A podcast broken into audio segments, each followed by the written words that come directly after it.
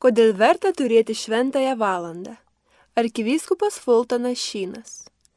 Kokia nauda iš gydytojų susirinkimo, jei jie sutarė, jog reikia siekti geros veikatos, bet nesimo jokių praktinių veiksmų savo nutarimus įgyvendinti? Kokios konkrečios rekomendacijos gali būti kunigui, kad jis taptų vertas to dangiško pašaukimo, kurį yra gavęs? Atsakymas yra paprastas ir iš esmės šventoji valanda. Tačiau kodėl verta ją turėti? Nes tai yra mūsų viešpadės artumoje praleistas laikas.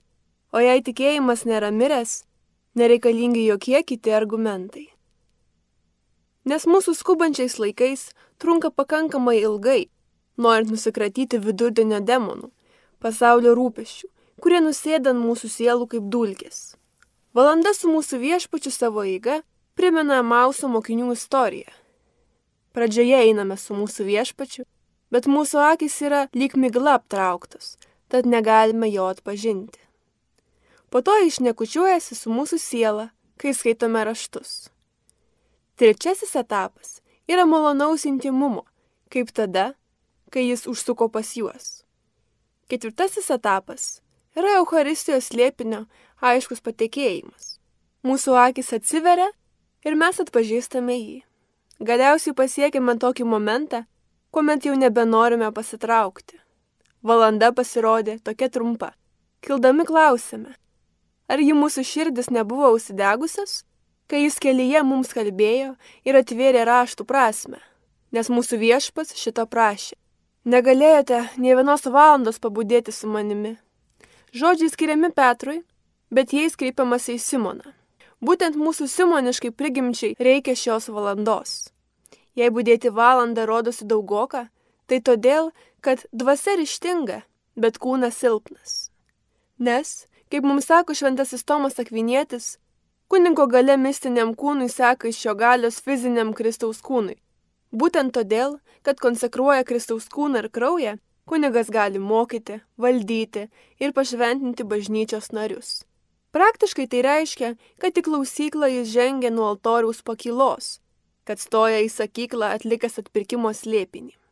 Kiekvienas ligonio lankymas, kiekvienas patarimas raštinėje, kiekviena vaikams kita katechezė, kiekvienas kurijos raštas kyla nuo altoriaus. Visa galės leipi ten ir kuo daugiau kelių tarp tabernakulio ir kunigiškų pareigų nukertame, tuo mažiau dvasinių jėgų šioms pareigoms lieka. Eucharistija yra visų bažnyčios dvasinių gerybių šaltinis ir viršūnė. Būtent iš Eucharistijos visi kiti sakramentai gauna savo veiksmingumą. Jei visi sakramentai, jei visas pamokslavimas, išpažintys, administravimas ir pagalba prasideda meilės ugnimi, tai kaip galime atsisakyti jos uždegami kasdien po valandą? Nes šventoji valanda išlaiko pusiausvyrą tarp to, kas dvasiška ir to, kas praktiška. Vakarų filosofijos linksta į aktyvizmą, pasak kurio Dievas nedaro nieko, o žmogus daro viską. Rytų filosofijos linksta į kvietizmą, pasak kurio Dievas daro viską, o žmogus nedaro nieko. Aukso vidurys yra keltis palsėjus, rimti sekantis veiksmas, morta, einanti draugė su Marija, arba, šventojo Tomo žodžiais tariant, kitiems perduoti kontempliacijos vaisius. Šventoji valanda sujungia kontemplatyvumą su aktyviu kunigo gyvenimu. Praleistos valandos su mūsų viešpačiu dėka, mūsų meditacijos ir pasiryžimai pereina iš sąmonės į pasąmonę ir tuomet tampa veikimo motyvais. Nauja dvasia ima persmelkti mūsų ligonių lankymą, mūsų pamokslus, mūsų išpažintis. Šį pokytį atlieka mūsų viešpats, kuris pripildo mūsų širdis ir veikia mūsų rankomis. Kunigas te gali duoti tik tai, ką turi. Duoti Kristų kitiems gali tik jį turintis. Nes šventųjų sieloms atsiskleisti, švenčiausiosios širdies apreiškimai nurodo, jog dar netrastos to širdies gelmės yra paliktos būtent kunigams. Yra meilės uždangos, už kurių patekti gali tik kunigas, ten gaudamas patepimą ir galę sieloms, gausiai pranokstančią jo paties jėgas. Kunigo namai nėra klebonija. Jis namie tik ten, kur yra Kristus. Tik ten jis išmoksta meilės paslapčių. Šventai Margaritai Marijai šventoji širdis skundėsi, kad tiek mažai kunigų atsiliepė jo šauksmą - trokštų. Jis jai šitaip kalbėjo. Turiu degantį troškulį, būti garbinama švenčiausiame sakramente ir sunkiai randu ką nors, kas pasišvenčia pagal mano norą šį troškulį numalšinti, kaip nors man atsilygindamas. Nešventoji valanda mus privers praktikuoti tai, apie ką skelbėme. Švenčiausiai širdis gedi, matydama skandalingą netitikimą tarp aukšto kunigystės idealo ir vargano jo išpildymo. Stangaus karalystė yra panašiai kaip su karaliumi, kuris kėlė savo sūnų į vestuves. Jis išsiuntė tarnų šaukti pakvestųjų į vestuvių pokylį, bet jie nepanorėjo eiti. Apie mūsų viešpatį buvo parašyta tai, ką jis veikė ir mokė. Kunigas, kuris praktikuoja šventąją valandą, mokydamas susilauks, kad apie jį bus kalbama kaip apie viešpatį. Visi žmonės stebėjosi maloningai žodžiais, sklindančiais iš jo lūpų. Nes šventoji valanda padaro mus paklusniais Dievo įrankiai. Eucharistijoje vyksta dvigubas kunigo judesys. Pirma, Eucharistinė širdies link ir antra, žmonių link. Kai kunigas save yra atidavęs mūsų šventojo viešpatie širdžiai, Viešpas jį laiko panaudotinu savo tikslams. Kunigas įgauna papildomą galę, būdamas lengvai minkomas šeimininko rankose. Dievas kai kurias malonės duoda sieloms tiesiogiai, kaip kad žmogus duoda išmaldą atsitiktinai sutiktam vargšui. Tačiau švenčiausiai širdis trokšta didžias malonės sieloms dalinti per savo kunigų rankas. Kunigų efektyvumas turi mažai ką bendro arba neturi nieko bendro su jų prigimtiniais gebėjimais. Eucharistinis kunigas viešpačiui bus geresnis instrumentas paliesti sielas nei tas, kuris daugiau išmokęs, bet mažiau myli. Vienas iš švenčiausiosios širdies teiktų pažadų kunigams yra šis. Tokiems kunigams duosiu galę paliesti net labiausiai užkietintas širdis. Nes šventoji valanda mums padeda atsilyginti tiek už pasaulio, tiek už savo pačių nuodėmes. Kai švenčiausiai širdis pasirodė šventai Margaritai Marijai, širdis, o ne galva, buvo vainikuota ryškiečiais. Tai meilė buvo sužeista. Juodosios mišios, šventvagiškos komunijos, papiktinimai, kovingas ateizmas. Kas už visą tai atsiteis? Kas bus Abraomu, Sodomai ar Marija tiems, kurie nebeturi vyno? Pasaulio nuodėmės yra mūsų nuodėmės, tarsi mes būtume jas padarę. Jei dėl jų mūsų viešpas prakaitavo krauju, o po to supeikė savo mokinius, kad čia nesugebėjo valandą išbūdėti su juo, negi draugė su kainų klausime, argi aš esu savo brolio sargas. Svarstydamas, kaip gali prisidėti prie kovos su komunizmu, kunigas žino, kad kova laimima tuo met, kai jo rankos yra kaip mozės, iškeltos maldai. Nes jie atstatys mūsų parastą dvasinį gyvybingumą Mūsų širdis yra ten, kur mūsų džiaugsmai. Viena iš priežasčių, kodėl bėgant kunigystės metams daugelis nustoja aukti, yra ta, kad kunigai nebesima krauti visus savo rūpeščius mūsų viešpačiai. Jie nesugeba semtis džiaugsmų iš to, kad jų kunigystė yra sujungta su Kristumi kaip auka. Tad jie dažnai ir liks susispyrę, įsikabinę į regimuosius dalykus, užmirždami, kad Eucharistinės durys net nėra durys Tai net nestovinti pertvara, nes Kristus ją jau yra sugriovę. Švenčiausiai širdis per šventąją Margaritą Mariją yra pažadėjusi savo kunigus padaryti kaip dviešmenius kalavijus, iš kurių trykš šventosios atgailos versmės. Mūsų gyvastys daugų daugiausia yra silpnos, galbūt sudužusios, kaip sutrupėjęs porcelianas. Tad einame prie švenčiausiosios širdies ir prašome, kad surinkęs atstatytum, o atstatęs amžinai išlaikytum tai, kas dabar guli sudužę. Meilė turime būti dar kartą sulipdami į vienybę. O kurgi galime rasti tokią meilę, jei ne vienybė sakramente? Nes šventoji valanda yra tiesos valanda. Vieni su Jėzumi save matome ne taip, kaip žmonės mus mato. Visuomet spręsdami geriau, negu yra iš tikrųjų, bet kaip mus mato teisėjas. Jei rimtai priimame pagiras, Niekas geriau nenugesins pasipūtimo, kaip įsisamoninimas, kokiu bejėgišku save dangaus viešpats save padarė, susimenkindamas iki duonos pavydalo. Mūsų nesėkmės, mūsų meilės stygius kitiems kunigams, mūsų pernelik skuboti atsakymai tiems, kurių pasirodymas mums nemielas, mūsų cukrinis mandagumas, gražiau apsirengusiems, turtuolių vaikymasis, vargšų vengimas, mūsų skubotos mišės, nekantrumas klausykloje. Visą tai Eucharistinis viešpats išstato mums iš mūsų sąžinės. Gyvenimas nuodėmėje, sunkioje ir lengvoje, tampa netoleruotinas kunigui, kuris praktikuoja šventąją valandą. Tai kaip šalia turėti gydytoją, kad įspėtų apie augantį vėžį. Galiausiai vis tiek esame privedami prie dieviškojo gydytojo prašyti, kad jis mus pagydytų. Meditacijoje jokia nuodėmė nelieka slapta, nelieka jokių pasiteisinimų. Mes ištraukiame nuodėmę į slaptos ir padedame ją priešais Dievą. Visada žinojome, kad Dievas ją matė, bet per šventąją valandą mes ją matome. Mūsų nuodėmės priešais mūsų akis tuomet jau nebe kaip žmogiškas silpnumas, bet kaip dar vienas mūsų viešpatės nukryžiavimas. Ištirk mane, Dieve, pažink mano širdį, išmėgink mane ir žinok mano mintis. Pažiūrėk, ar einu klystkeliu ir vesk mane amžinuoju keliu. Tačiau nėra reikalo baimintis, nes valandos metu įeiname į uždarą kambarį su teisėju. Atitaisydami savo klaidas, sulykstame su juo dar iki teismo. Nes jį daro mus mažiau pažeidžiamus gundimams ir silpnumams. Prisistatyti priešais mūsų viešpatį švenčiausiame sakramente yra tarsi džiovininkui suteikti gaivaus oro ir saulės. Mūsų nuodėmių virusas negali ilgai tverti akistatoje su pasaulio šviesa. Nuolatos menu viešpatės artumą. Jame esam prie dešinės, niekad nedrebėsiu.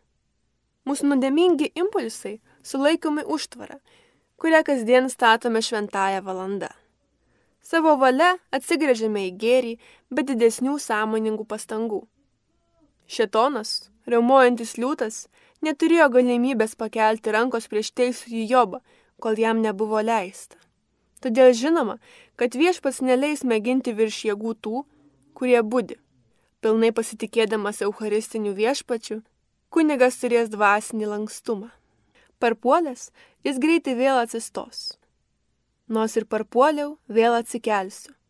Nors ir sėdžiu tamsybėje, viešpats mano šviesa. Kadangi jam nusidėjau, todėl turiu pakelti viešpatės įniršimą, kol jis apgins mano bylą ir gražins man teisingumą. Viešpas bus palankus net silpniausiam iš mūsų. Jei jis ras mūsų daruojančius prie savo kojų, nusiteikusius priimti dieviškai prielankumą. Vos tik Saulis iš Tarso, persikatojas, nusižemino prieš kurėją, Dievas atsintė jį paguosti ypatingą pasiuntinį, apie Saulį praneždamas, kad štai jisai meldžiasi. Net ir nupuolęs kunigas gali viltis būti sutvirtintas, jei jis būdi ir meldžiasi. Padidinsiu jų skaičių, bus jų nemažai, padarysiu juos garbingus, nebebus jie menki. Nes šventoji valanda yra asmeninė malda. Mišios ir brevijorius yra oficialios maldos, jos priklauso mistiniam Kristaus kūnui. Jos nepriklauso mums asmeniškai. Kunigas, kuris save priboja tik tuo, kas priklauso, jo oficialioms pareigoms ir oficialiai adoracijai, yra kaip darbuotojas, kuris viską meta išmušus paskutiniai darbo valandai. Meilė prasideda, kai baigėsi pareiga.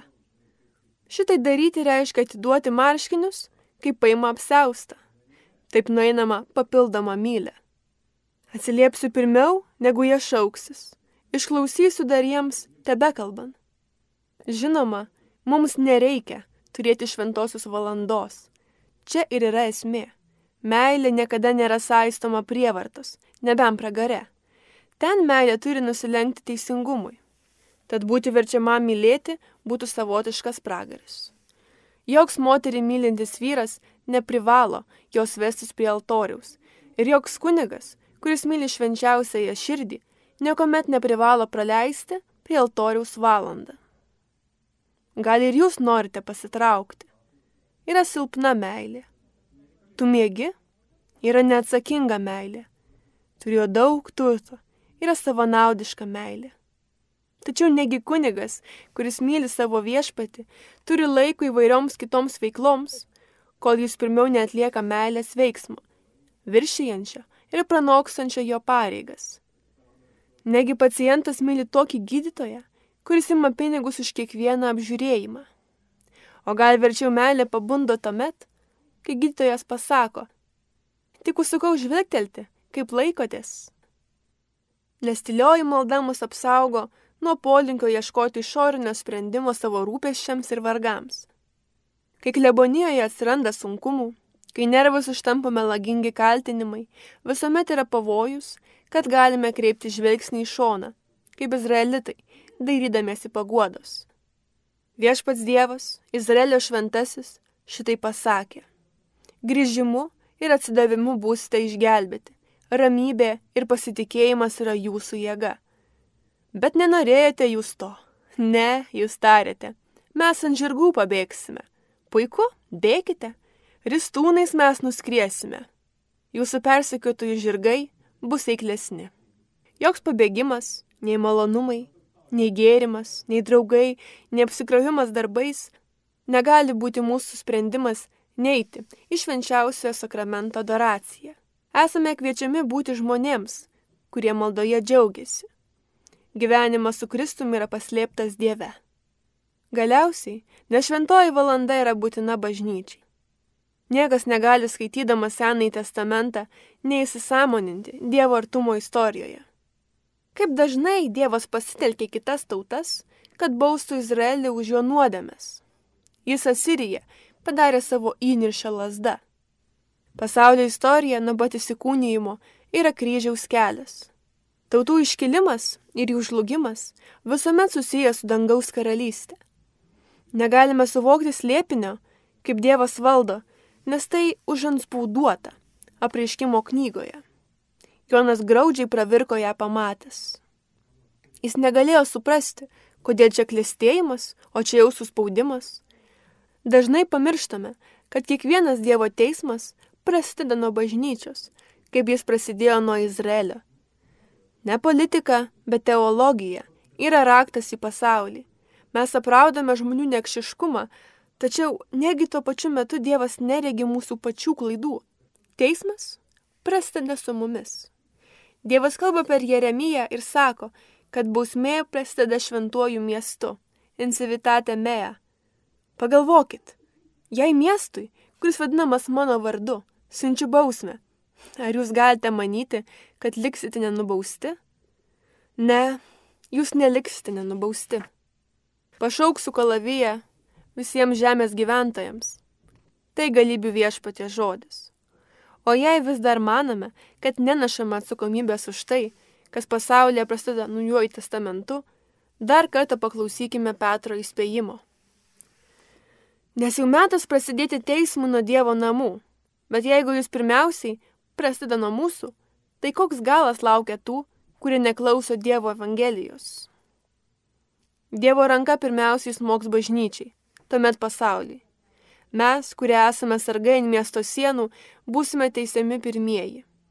Jeruzalė bus sugriauta tik po to, kai mūsų viešpas išvalė šventyklą.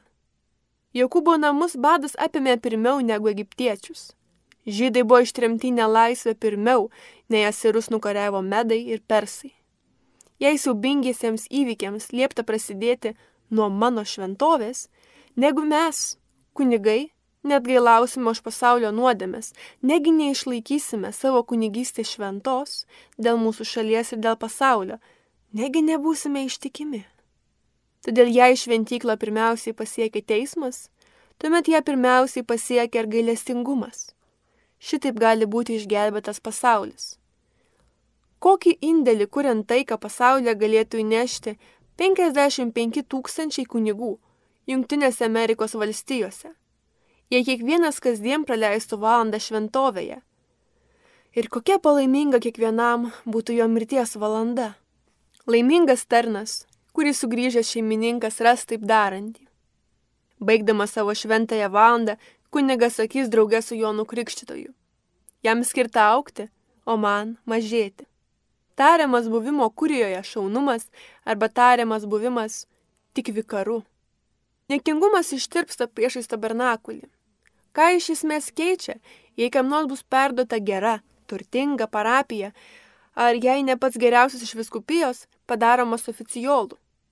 Rėmimasis savimi tabernakulio artumoje pakeičiamas rėmimusi Kristumi. Kunigas, kuris viešpati savo laiko viskuo, visą valandą kiekvieną rytą, neusigauna, kai vyskupui neapsižiūrėjus, negauna logiškai jam priklausančio paaukštinimo. Viešpaties menkumas Euharistijoje atskleidžia kunigo reikšmingumo absurdiškumą. Vietoj buvę pabroliais, Kristaus ir jo bažnyčios vestuvėse, kartais elgiamės tarsi siektume tapti jaunikiais. Ir šio vaidmens viešpas mum neužleis.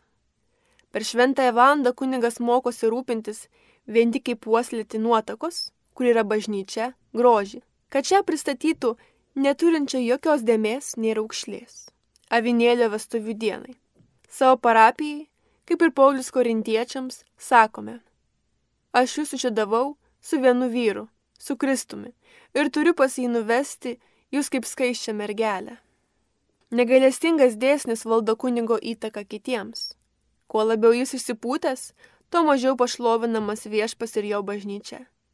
Mąstymas apie save Euharistijoje, išdalinant išganytoje kunigui visą primins kad jis yra menulis, šviesą gaunantis iš saulės.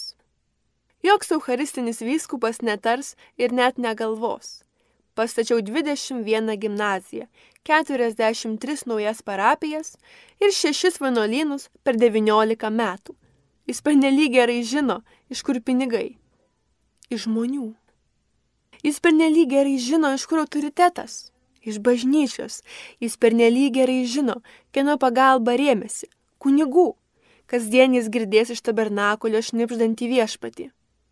Kasgi tave įskiria iš kitų ir kągi turi, ko nebūtum gavęs.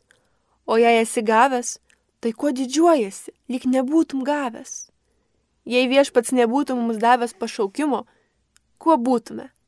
Draudimo agentai, sunkvežimių vairuotojai, mokytojai, daktarai, ūkininkai, padavėjai Viešpats nei vieno mūsų nepasirinko kaip geriausia. Jis renkasi molinius indus. Ir kai susitelkėme prie Euharistijos ir žvelgime vienas į kitą, širdise atpažįstame Pauliaus žodžių tiesą. Tik pažvelkite, broliai, kasgi jūs pašauktieji esate.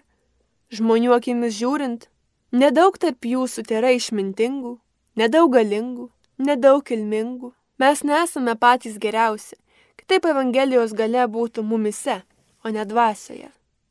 Tačiau kur geriau šią tiesą galima išmokti, jei ne priešai slėpinį, kuris atrodo esas duona, bet iš tiesų yra Emanuelis, toks mažas, kad rankomis galime sulaužyti, bet toks pilnas galybės, kad jo laužimas atnaujina Kristaus kančią ir mirtį. Mažėjantis kunigas yra augantis Kristus. Kai Euharistija mūsų gyvenime yra tik tolimas fonas, tai tarsi saulė žemai besileidžiant horizonte mums už nugaros. Metame šešėlį priešai save ir kuo žemiau saulė, tuo ilgesnis šešėlis. Jei viešpas ir toli nuo mūsų, menkai bematomas, rodosi, kad mūsų ego tampa svarbesnis, tarsi mūsų šešėlis, o draugė ir mūsų nuomonė ar darbai rodosi esą vis reikšmingesni. Tačiau tai tik iliuzija. Kita vertus, Į kiekviena diena prasideda priešais Euharistiją kaip tekančią saulę, mūsų ego šešėlis jau nebedengia mūsų tikrojo veido, o kai teisingumo sunus pasiekia zenitą, nebelieka ego. Tada mūsų nešiojamos sielos, kaip kad apaštalai atsimainimo metu, nebemato, nieko prie savęs nematė, tik vieną Jėzų. Vienintelis reikalavimas yra tikėjimo šuolis, o atlygis yra intimumo gelmė tiems, kurie augino draugystę su juo. Pasilikti su Kristumi yra dvasinė bičiulystė, kaip kad jis tvirtino iškilmingą ir šventą paskutiniosios vakarienės naktį, kai jis pasirinko mums teikti Euharistiją. Pasilikite manyje, tai ir aš jumise pasiliksiu. Jis nori mūsų savo buveinėje. Kad jūs būtumėte ten, kur ir aš. Kaip toli mes esame nuo savo kunigystės džiaugsmo patyrimo, kai vieninteliai mūsų susitikimai su viešpačiu yra su auditorija, mišios, pamaldos, kryžiaus kelio stotys, kad ir kada privalome ten būti. Viešpats nori audiencijos. Jis nori ilgesnės audiencijos, pilnos valandos. Jonas ir Andriejus praleido pas jį visą dieną.